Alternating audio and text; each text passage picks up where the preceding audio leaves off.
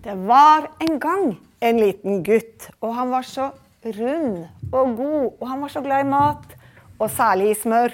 Og derfor så ble han kalt for Smørbarn. Ja.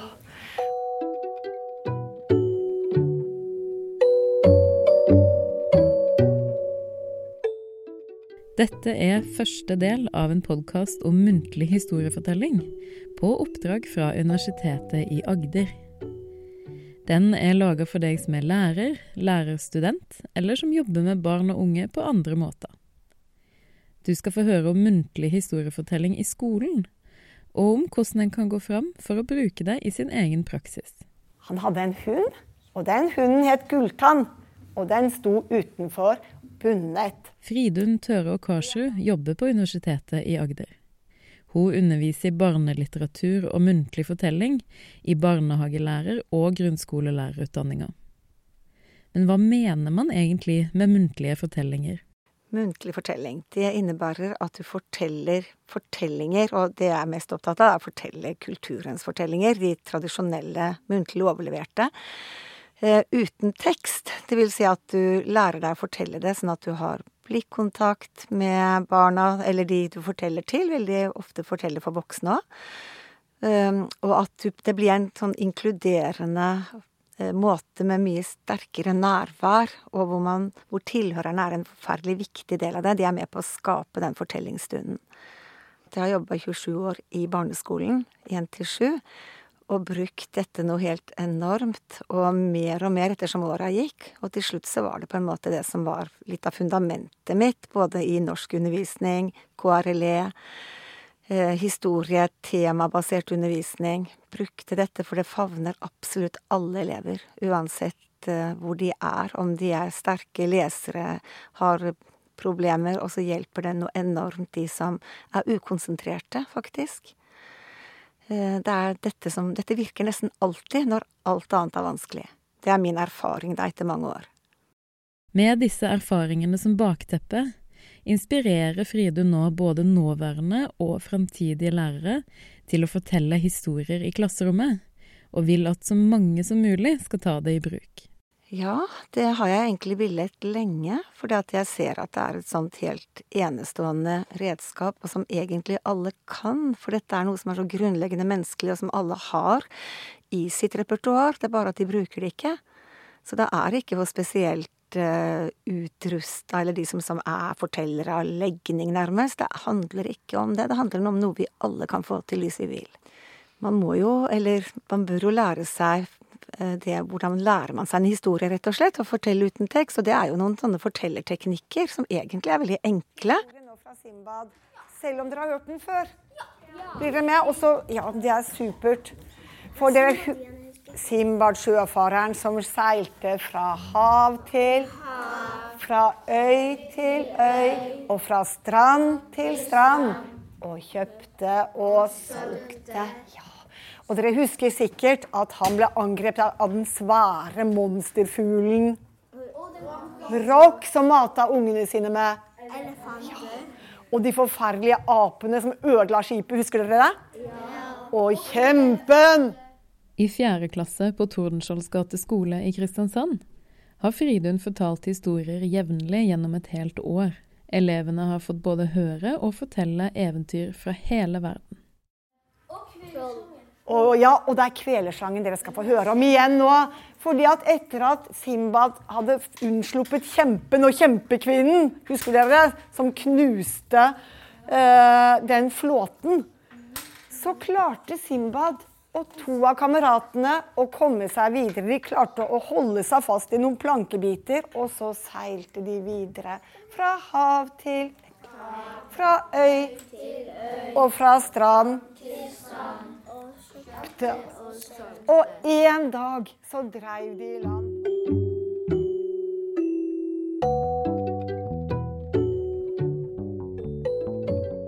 Marianne Karlsen er lærer for klassen.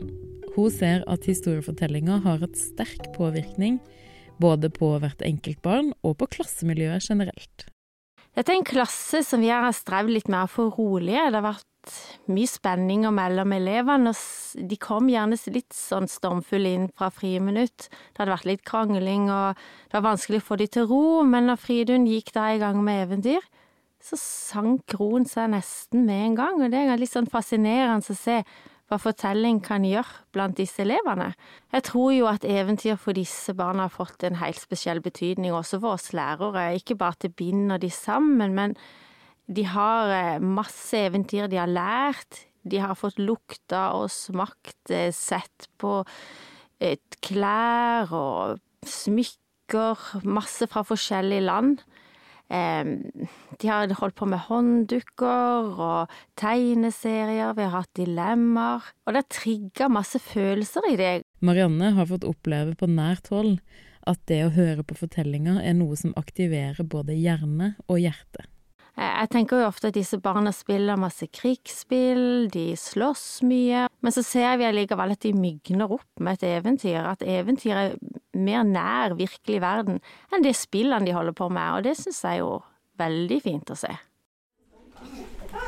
Men dere, hva er det den hunden gjør?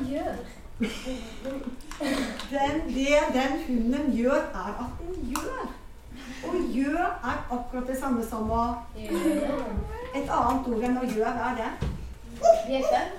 Bjeffe og gjør er det samme. Med ni ulike morsmål i klassen har fortellingene bidratt til et språklig løft for elevene. Ordkunnskap er jo kjempeviktig for videre læring og for tekstskaping. Og her i et flerkulturelt fellesskap så er det jo mange barn med litt lavt ord, altså litt få begreper i språket, men også norske barn strever med ord og ordkunnskap. Så her har vi grundig fått gått igjennom ord og begreper før eventyrene har blitt fortalt. Og det vil jeg jo tro har økt deres begrepskunnskap masse. Mange barn strever med å uttrykke seg skriftlig, og også muntlig, men når de kommer i norsk skole, så begynner vi gjerne å skrive med en gang, uten at de har forutsetninger til å fortelle noe muntlig. Så for meg har jo dette blitt litt sånn aha-opplevelse at det, det, er viktig å jobbe med muntlig fortelling før de skal skrive. Hos oss kommer det masse barn fra mottaksskolen gjennom året, og vi får de inn i klasserommet og forventer at de skal begynne å skrive før de egentlig kan formulere en historie muntlig. Så det har vært veldig verdifullt. Jeg tenker den sosiale biten i denne klassen har fått et løft. Har, de har fått noe sammen, felles opplevelser. Vi har jobba på ulike måter, jobba med samarbeid. Eh, I tillegg så syns jeg jo det skriftlige, at de klarer å skrive mer tekster. I høst opplevde jeg at de nesten ikke klarte å skrive setning, og nå skriver de jo hele eventyr. Så jeg syns dette har vært veldig verdifullt. Og ikke minst at de har fått gode opplevelser. Løfta seg litt opp på det.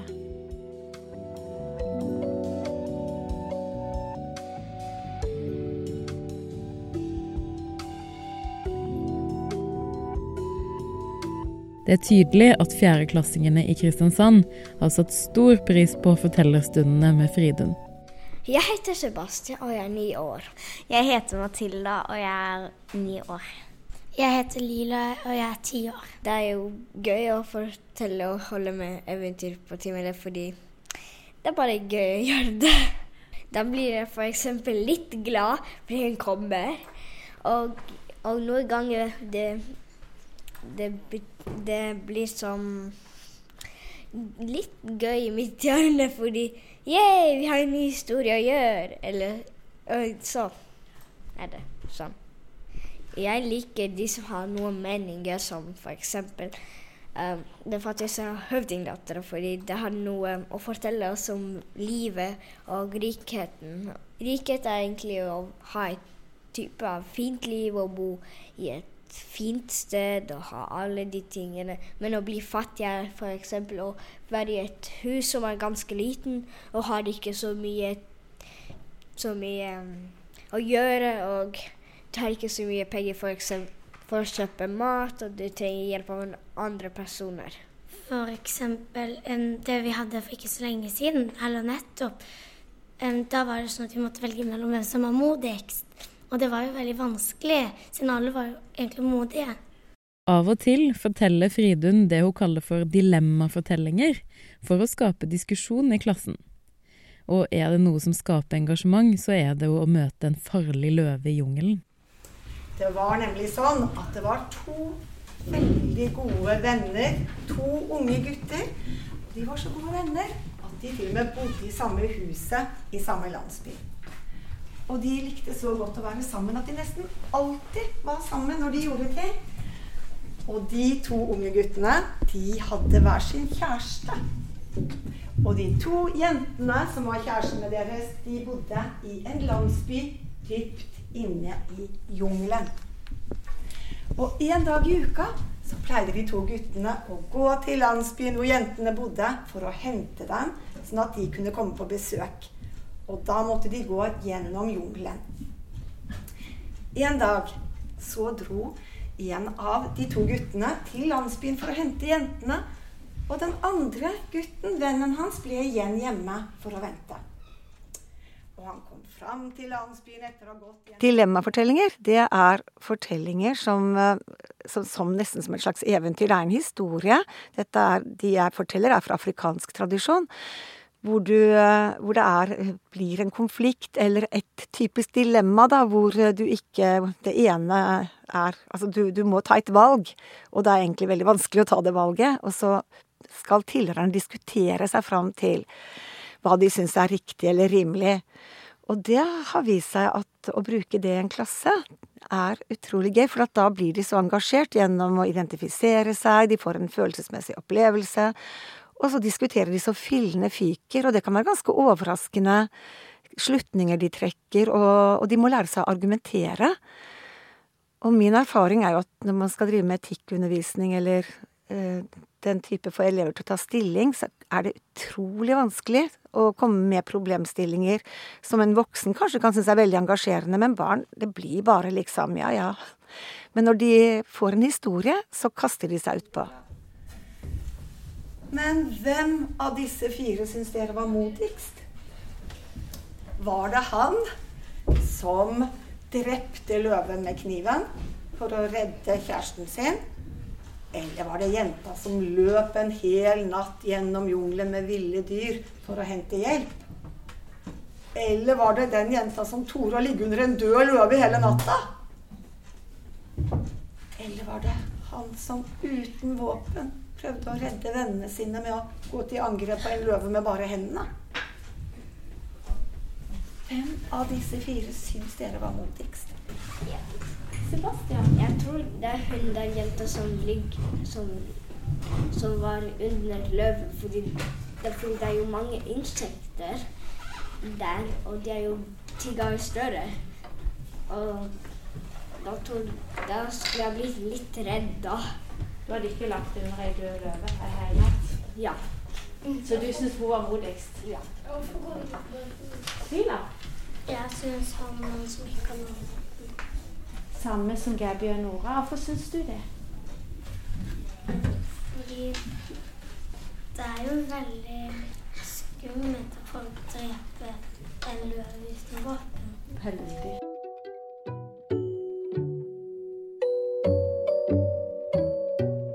Toril Marie Olsen er også ansatt ved Universitetet i Agder som språkviter. Hun har vært til stede i klasserommet når Fridun forteller, og de samarbeider faglig rundt dette. Toril har stor tro på den faglige verdien av muntlig historiefortelling som metode både for språkutvikling og for sosiale ferdigheter. Fordi jeg da er språkviter, så har jeg hatt veldig tro på dette da i forhold til språkutvikling. Og jeg har blitt enda mer overbevist etter nå å ha vært observatør mens Fridun har fortalt. Fordi min rolle har vært å observere og notere og, og se hva som foregår i, i klassen. Jeg ser at det berører elevene, og når Fridun da forteller, så begynner å fortelle, så faller de til ro. Og det har vært spesielt å se da en klasse med så mange elever virkelig ser ut som de hviler. Det ser ut som en god opplevelse for absolutt alle, ennå så forskjellige de er. Nå er det Men du, det er jo sånn at selv om dere skal prøve å, å diskutere og bli enige, så er det lov å ha sin egen mening. For noen ganger så er man jo ikke enig. Og da må det gå an å si to forskjellige ting. Jakob syns, Hadi syns. Jakob syns, Hadi syns. Ja, Jakob syns, og Hadi syns. Det går fint an å skrive. Uh, og jeg tror jo også på det, fordi jeg òg ser de har blitt så engasjerte i fortellingen. De har òg satt i gang og, og blitt ivrige til å skrive, og på eget initiativ setter i gang og vil dikte videre på fortellinger. Og som språkviter så vet jeg det, at drivkraften for å lære språk, den kommer innenfra.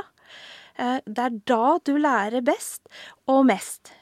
I en skole eller barnehage så kan man dressere kroppene til å sitte i ro og gjøre som man vil, men man kan ikke dressere tankene til elevene. Eh, og når det da vises, og helt tydelig er, et engasjement for temaet og for det, det som fortellingen tar opp, og at de får lyst til å produsere noe muntlig, altså snakke eller skrive, og jeg har sett at flere av de er liksom på grensen av hva språkkunnskapen deres tillater. Eh, og da strekkes jo språket også. Og da husker man bedre når man får jobbe med det. Da plutselig åpnet fjellet seg. Alle røverne gikk inn. Etter minutter kom ut med um, kom alle ut med sekker i armene og ridde videre. Da kom Ali Baba fram og sa sesam, sesam, lytt opp. Da fjellet seg igjen. Muntlig fortelling er òg veldig godt egna i språkarbeidet, og ikke som noe sånn eget opplegg for nå skal vi jobbe med språk, men en god formidling er språkstimulering på høyt nivå.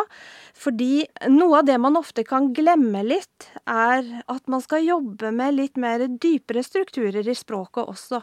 Og ikke bare ordforråd på sånn litt sånn overfladisk nivå, for det, det merker man jo fort at elever mangler et ordforråd, og så skal man jobbe med dette.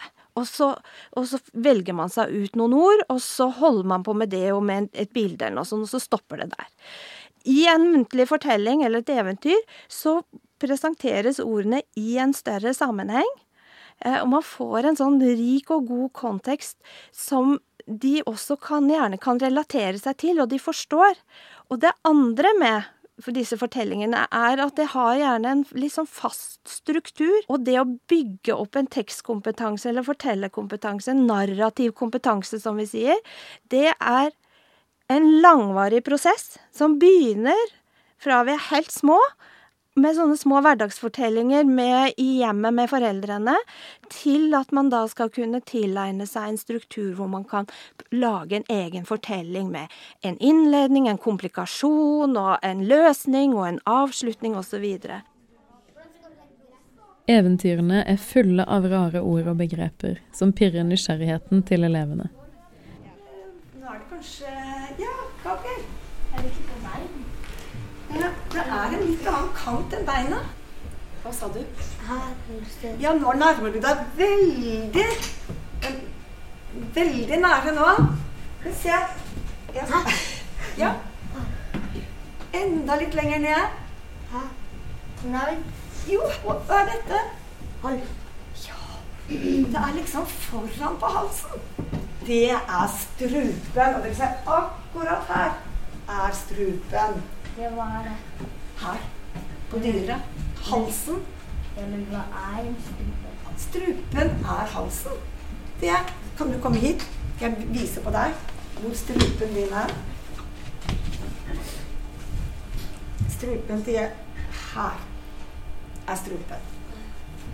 Eh, Matilda? Um, liksom noen ganger Hvis man liksom vil kverke noen, så er så har man liksom Hvis man kverker noe, da, kverta, presser man rundt strupen. Det er helt sant. Ja, Trotta? Kanskje hatt ekstra lang strupe? Å, det var kjempelang strupe. det er veldig sant. Når du opplever ord i en større sammenheng, sånn som i uh, eventyr, og de gjentas osv., så, videre, så får du tilgang også til ord og uttrykk som du kanskje ellers ikke ville møte i eh, det daglige livet. Og det handler om alt ifra sånne rare ting som lendeklede og, og tyrirot og hva det måtte være, som, som, i og for seg kan være litt morsomt å huske på. Men eh, de lærer også eh, kanskje metaforiske uttrykk, sånn som eh, å falle i søvn og komme seg på beina og sånn, som er helt vanlige hverdagsord som plutselig kommer i en ny betydning. Toril er også opptatt av hvordan muntlig fortelling kan ivareta mangfold, og elevene sin deltakelse og medvirkning, noe som nå ligger under verdigrunnlaget i den nye læreplanen. Mangfold gjelder jo alle elevene, og her ser vi jo gjennom å ha eventyr fra flere deler av verden, at elever da som kommer fra en annen kulturbakgrunn, kan delta i klasseromssamtalen på en annen måte enn eh, man kan se hvis det er tekster som bare kommer fra den norske kulturtradisjonen, da. Jeg kommer fra Tyskland, så vi leste oss Ali Baba på tysk.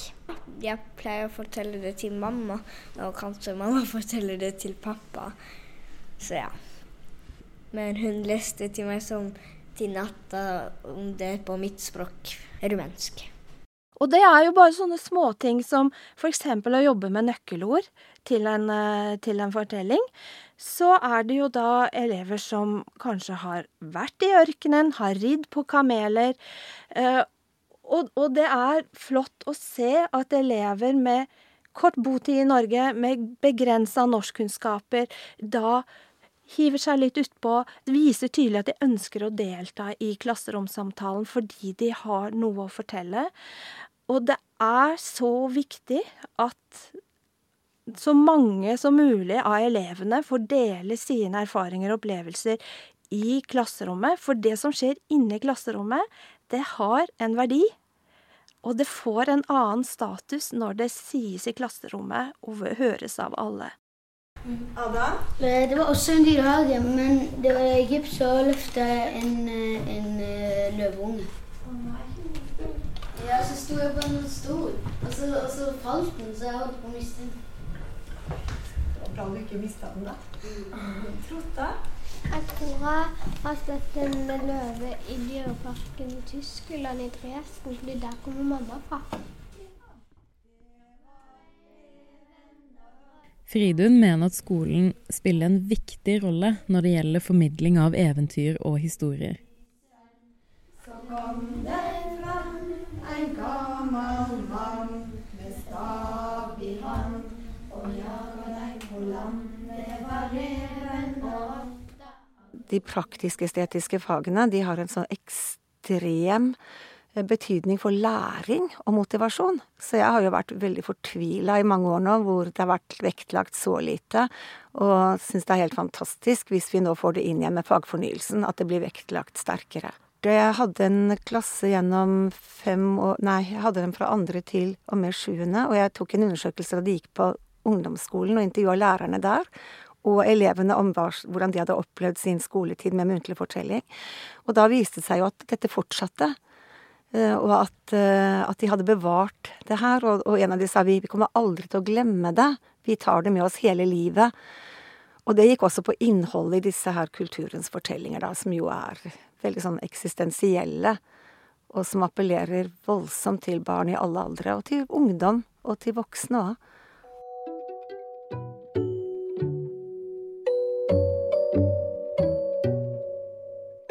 Jeg har lært masse om sånn forskjellige tradisjoner i andre land, og hva de liksom forteller seg i andre land. Det er veldig interessant.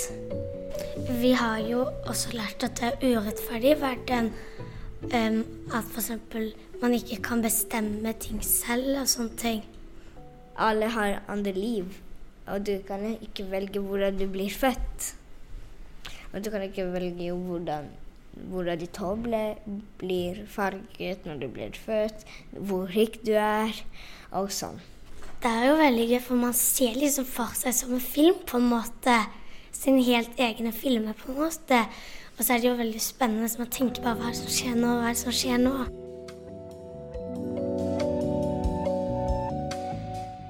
Dette var episode én av to av en podkast om muntlig historiefortelling i skolen.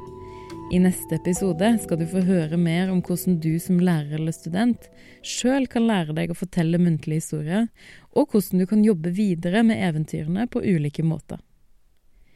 Du hørte Fridun Tørå Karsrud, Toril Olsen, Marianne Karlsen og elever fra 4. klasse på Tordenskiolds gate skole i Kristiansand.